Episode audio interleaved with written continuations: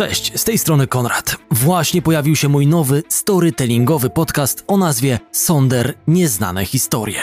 Wpisz nazwę Sonder Nieznane Historie w swojej aplikacji podcastowej i sprawdź kilka pierwszych odcinków. Do usłyszenia. Są tacy piłkarze, których albo się kocha, albo nienawidzi. Cristiano Ronaldo, Zlatan Ibrahimowicz, Sergio Ramos. Możemy wymieniać w nieskończoność. Są też tacy, którzy dzięki swojej, nazwijmy to, normalności, po prostu nie dają się nie lubić. Wystarczy wspomnieć choćby Dzidziego Buffona, Ngolo Conte czy Kubę Błaszczykowskiego.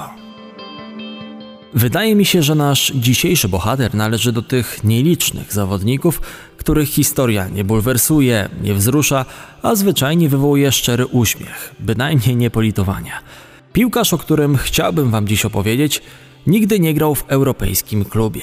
Z reprezentacją swojego kraju nigdy nie zawojował Mistrzostw Świata, a mimo to jest uznawany za jedną z legend futbolu. Dlaczego? Posłuchajcie sami. Przed Wami Jorge Campos, najlepszy bramkarz wśród napastników, najlepszy napastnik wśród bramkarzy i z pewnością najbardziej kolorowy zawodnik w historii piłki nożnej. Z tej strony Konrad Szymański. Przed Wami historie z boiska. Pierwszy tego typu piłkarski podcast w Polsce. Jeśli słuchasz mnie na Spotify, możesz zaobserwować mój podcast. Po naciśnięciu tej opcji nie ominiesz żadnego odcinka. Historie z boiska. Ciekawsza strona futbolu.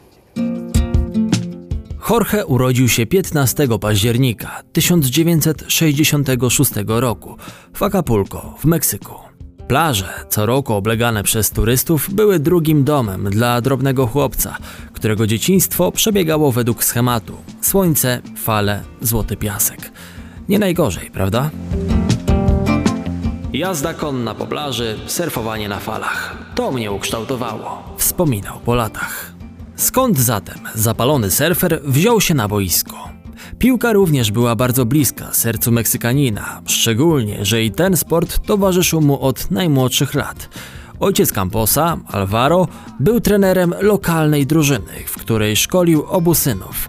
Młodszy, Jorge, strzelał dużo bramek, imponował dryblingiem, był szybki, zwinny, ale niestety bardzo drobny. Pan Alvaro, obserwując, jak jego syn raz po raz pada ofiarą fauli ze strony rywali, nie mogących go zatrzymać w inny sposób, zmienił mu pozycję i kazał założyć rękawice bramkarskie, czasami tylko pozwalając grać w ataku. Niziutki Jorge, dzięki wrodzonej, ale i wyrobionej na desce surfingowej kociej zwinności, nieźle radził sobie między słupkami, ale trudno było mu ograniczyć się do kilku interwencji w ciągu meczu, dlatego zaczął włączać się do ataków swojej drużyny, a także wychodzić daleko poza pole karne, by przecinać akcje rywali. Jak łatwo się domyślić, na kilka udanych wyjść Cambosa przypadało sporo takich, które zakończyły się utratą bramki. Ojciec Jorge widział jednak, że jego syn jest zbyt dobry w polu i nie zrezygnuje z wypadów na połowę przeciwnika, szczególnie po pewnym incydencie. W trakcie meczu włączyłem się do akcji.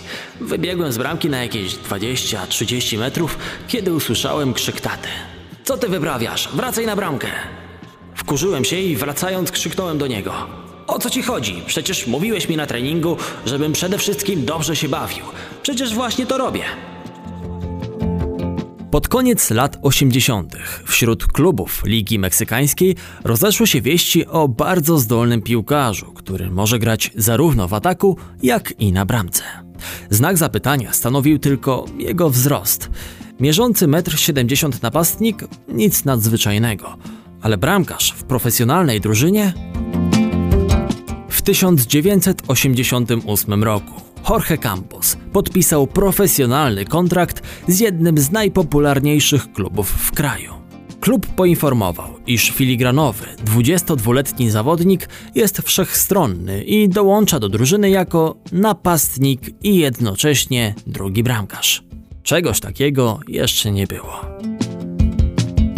Wówczas pierwszym golkiperem Pumas był Adolfo Rios, rówieśnik Camposa, mający jednak większe doświadczenie w lidze. Żeby było śmiesznie, Rios również nie grzeszył wzrostem. Według oficjalnych danych mierzył 176 cm. Jego pozycja wydawała się wówczas nie do ruszenia, zatem Jorge między słupkami stawał głównie na treningach. Sezonie 1989-90 Campos, grając na szpicy, strzelił 14 bramek. I chociaż walka o Mistrzostwo Meksyku zakończyła się dla klubu ze stolicy w półfinale playoffów, Jorge dał się poznać kibicom z dobrej strony. Warto wspomnieć, że pierwszym dużym sukcesem Camposa było zdobycie z Pumami Pucharu Mistrzów CONCACAF, czyli północno- i środkowoamerykańskiego odpowiednika Champions League. Pumas w finałowym dwumeczu, rozgrywanym na początku 1990 roku, pokonali kubańskie Pinar del Rio 4 do 2, a jedną z bramek strzelił właśnie Jorge, jeszcze jako nominalny atakujący. Przez dwa sezony byłem napastnikiem. W bramce pierwszym wyborem trenera był Adolfo, więc ja musiałem skupić się przede wszystkim na strzelaniu bramek. Czułem się bardzo dobrze i w ataku, i w bramce, zatem te decyzje przyjąłem bez większych emocji, ale pamiętam jak pewnego dnia na treningu, gdy cieszyłem się po strzeleniu bramki, trener krzyknął: Tylko nie zapomnij jak się broni, jesteś też bramkarzem. Wybuchłem śmiechem, kiedy to usłyszałem, bo wówczas byłem najlepszym strzelcem w drużynie. Wyobrażacie sobie coś takiego? Campos nie zapomniał bramkarskich nawyków i coraz częściej zaczynał mecze między słupkami. Nieprzypadkowo używam słowa zaczynał, ponieważ nierzadko dochodziło do sytuacji rodem z meczów podwórkowych. Gdy wynik nie był zadowalający, a Campos grał w bramce, trener wprowadzał na boisko rezerwowego bramkarza, a Jorge po prostu ściągał rękawice i bluzę, zakładał zwykłą koszulkę i kontynuował grę jako napastnik. Idealnym rozwiązaniem dla mnie byłoby, gdybym w pierwszej połowie bronił, a w drugiej wychodził w ataku. W praktyce wyglądało to najczęściej tak, że faktycznie zaczynałem jako bramkarz, a kiedy przegrywaliśmy, trener zmieniał moją pozycję i wchodziłem do ataku. Bardzo to lubiłem. Chyba nie było w historii takiego zawodnika jak ja. Owszem, byłem niski jak na bramkarza, ale dzięki temu, że grałem w ataku, lepiej wiedziałem czego się spodziewać po napastnikach rywali. Nawyki z gry w napadzie pomagały mi, gdy wychodziłem sam na sam. Wiedziałem wówczas, co robić, by lepiej skrócić kąt i mieć większe szanse na obronę. Kilku trenerom się to nie podobało. Mówili, że za bardzo ryzykuję, ale ostatecznie wychodziło na moje.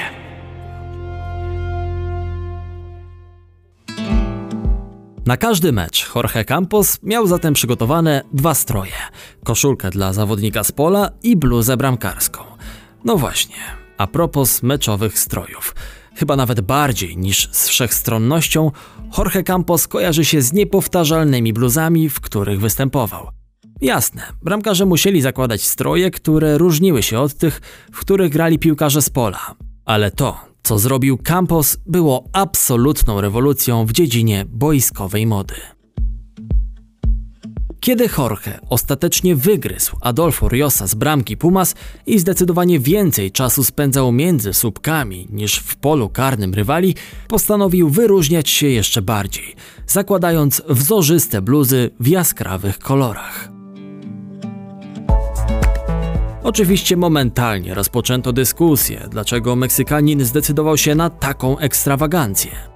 Jedna z tez głosiła, że jest to zabieg zaplanowany przez analityków, według których jaskrawe kolory mają działać na rywali, aby ci podświadomie starali się trafić w Camposa.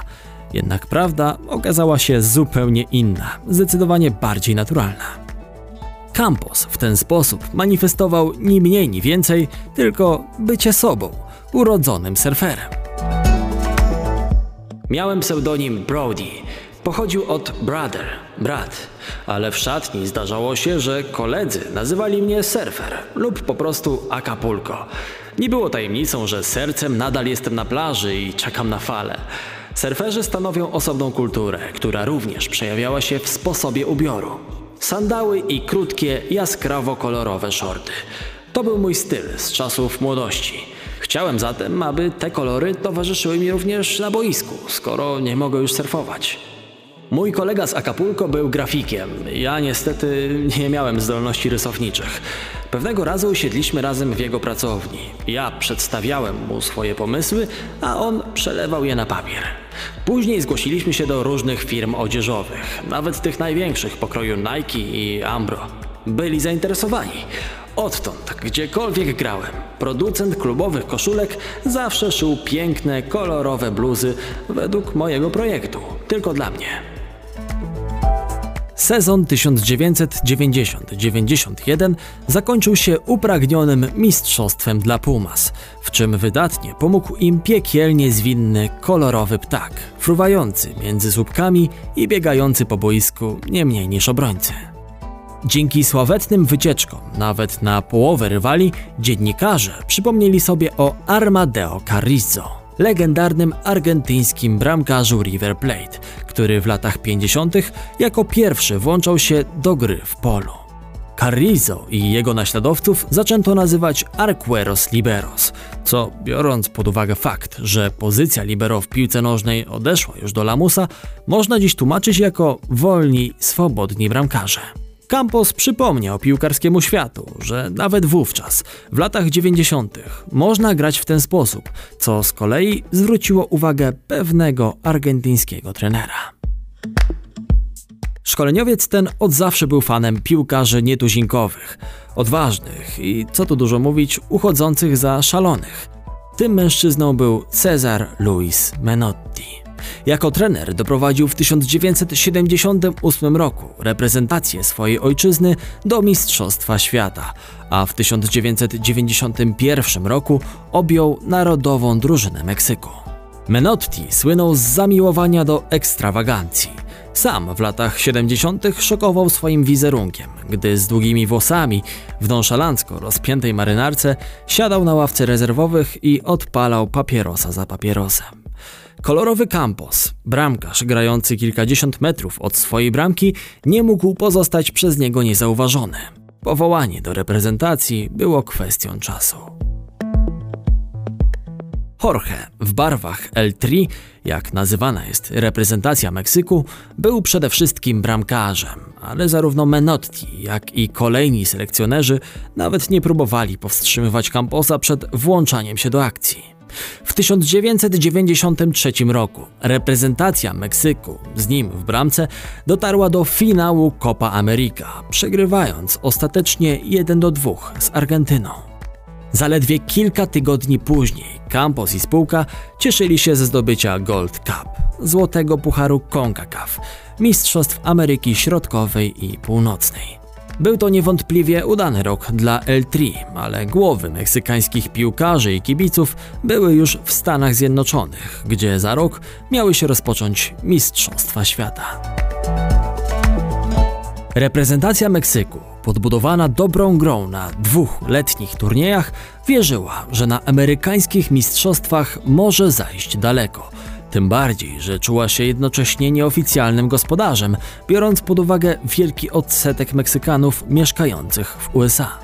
Campos zdawał sobie również sprawę, że dla piłkarza nie ma lepszego okna wystawowego niż mundial.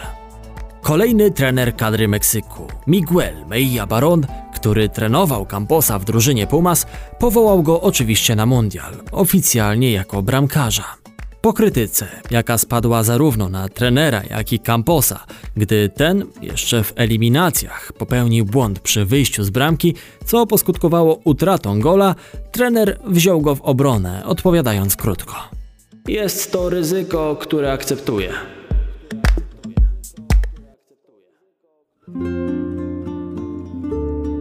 Kibice byli ciekawi, czy w trakcie mistrzostw Jorge będzie grał na obu pozycjach – jednak jeszcze przed rozpoczęciem pierwszego meczu stanowcze weto postawił Javier Clemente, selekcjoner reprezentacji Hiszpanii.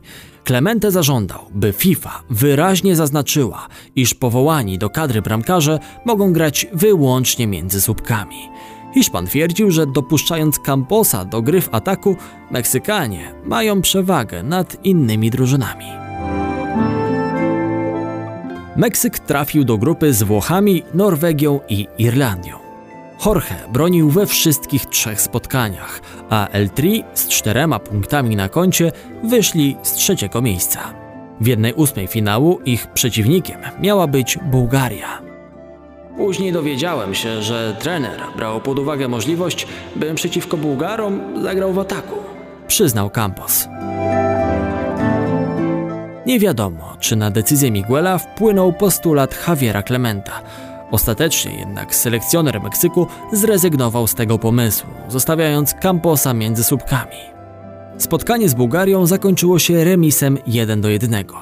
Dogrywka nie przyniosła rozstrzygnięcia. W rzutach karnych Campos zaczął fantastycznie, broniąc pierwszy strzał Krasimira Bałykowa.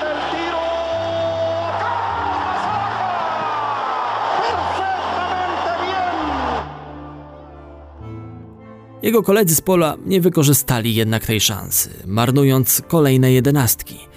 Bułgaria wygrała. Meksyk wracał do domu. Campos umocnił swoją pozycję. Niestety, nie przełożyło się to na transfer do silnego europejskiego klubu. Pomimo wielkiej popularności i tytułu trzeciego najlepszego bramkarza roku 1993 za Schmeichelem i Goycocheą, Jorge pozostał na kontynencie. Jasne, miałem wiele propozycji, ale meksykańskie kluby stawiały zaporowe ceny. Europejskie drużyny nie mogły sobie pozwolić na takie kwoty. W 1995 roku Campos przeszedł do Atlanty, gdzie wrócił do gry na dwóch biegunach w bramce i ataku. Właśnie w tym klubie strzelił z pewnością najpiękniejszego gola w karierze klasycznymi nożycami.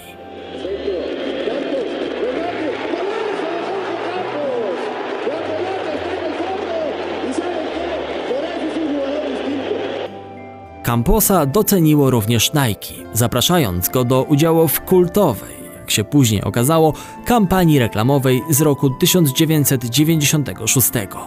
Być może widzieliście tę fantastyczną reklamę, w której drużyna Nike, złożona z najlepszych piłkarzy świata, gra w Koloseum przeciwko demonom. Jeśli nie, koniecznie znajdźcie ją w internecie. Jorge wziął udział w tej kampanii u boku takich gigantów jak Ronaldo, Paolo Maldini, Luis Figo, Patrick Kluivert czy Eric Cantona. Każdy z gwiazdorów mógł pokazać w reklamie swoje charakterystyczne sztuczki. Co zatem robi pan Campos, gdy kamera skupiła się na nim? Oczywiście wybiega za pole karne. To była jedna z pierwszych reklam, w których występowali piłkarze z całego świata. Fantastycznie było spotkać tak wiele gwiazd. Byłem zaskoczony, że w ogóle wiedzieli, kim jestem. Przecież nigdy nie grałem w Europie. Wspaniałe doświadczenie. Po sezonie spędzonym w Atlantę, Campos w końcu opuścił Ligę Meksykańską na rzecz formującej się dopiero amerykańskiej MLS, podpisując kontrakt z Los Angeles Galaxy. Campos był idealnym kandydatem do roli piłkarza, który miałby przekonać widownię, wychowaną na koszykówce i futbolu amerykańskim, do tego, że mecze soccera, kończące się często bezbramkowymi remisami, też mogą być ciekawe. Mijały lata, a Campos się nie zmieniał. Zmieniał jedynie pozycję na boisku, kolory blues i numery, z jakimi grał. Bywały mecze, w których bronił z dziewiątką na plecach, a gdy grał jako napastnik, na koszulce miał jedynkę. Gdy ustawiał się do zdjęcia drużynowego, zawsze stawał na piłce, by wydawać się wyższym od kolegów. Przez całą karierę występował tylko w lidze meksykańskiej i amerykańskiej, a mimo to przeszedł do historii futbolu. W reprezentacji Meksyku Campos rozegrał 130 meczów, trzykrotnie jako nominalny napastnik, niestety bez bramki na koncie.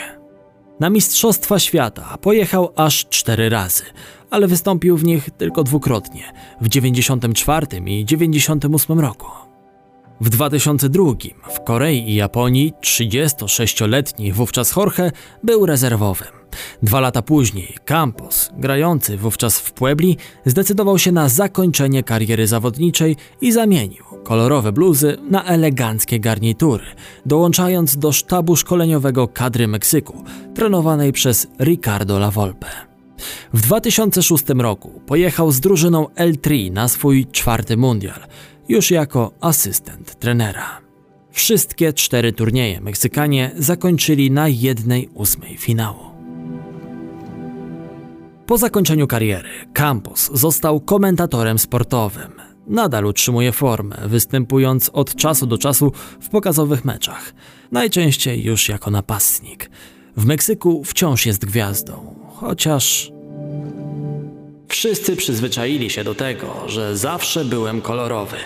Na co dzień ubieram się normalnie, dlatego zdarzały się sytuacje, że mogłem iść ulicą i nie zawsze byłem rozpoznawany. Właśnie dlatego, że nie miałem na sobie kolorowej bluzy. Jorge Campos był wyjątkowy. Tak po prostu. Był showmanem, ale przy tym naprawdę klasowym zawodnikiem. Owszem, nie wiemy, jak potoczyłaby się jego kariera, gdyby trafił do klubu z europejskiej czołówki, gdzie zapewne musiałby się wpisać w pewne narzucone przez trenera schematy. W sumie może to i lepiej, że został u siebie, tam, gdzie nikt nie próbował hamować jego fantazji. Dzięki temu w historii piłki zapisał się jako wesoły chłopak, który, będąc profesjonalistą i reprezentantem kraju, pozostał tym samym wolnym surferem z Acapulco.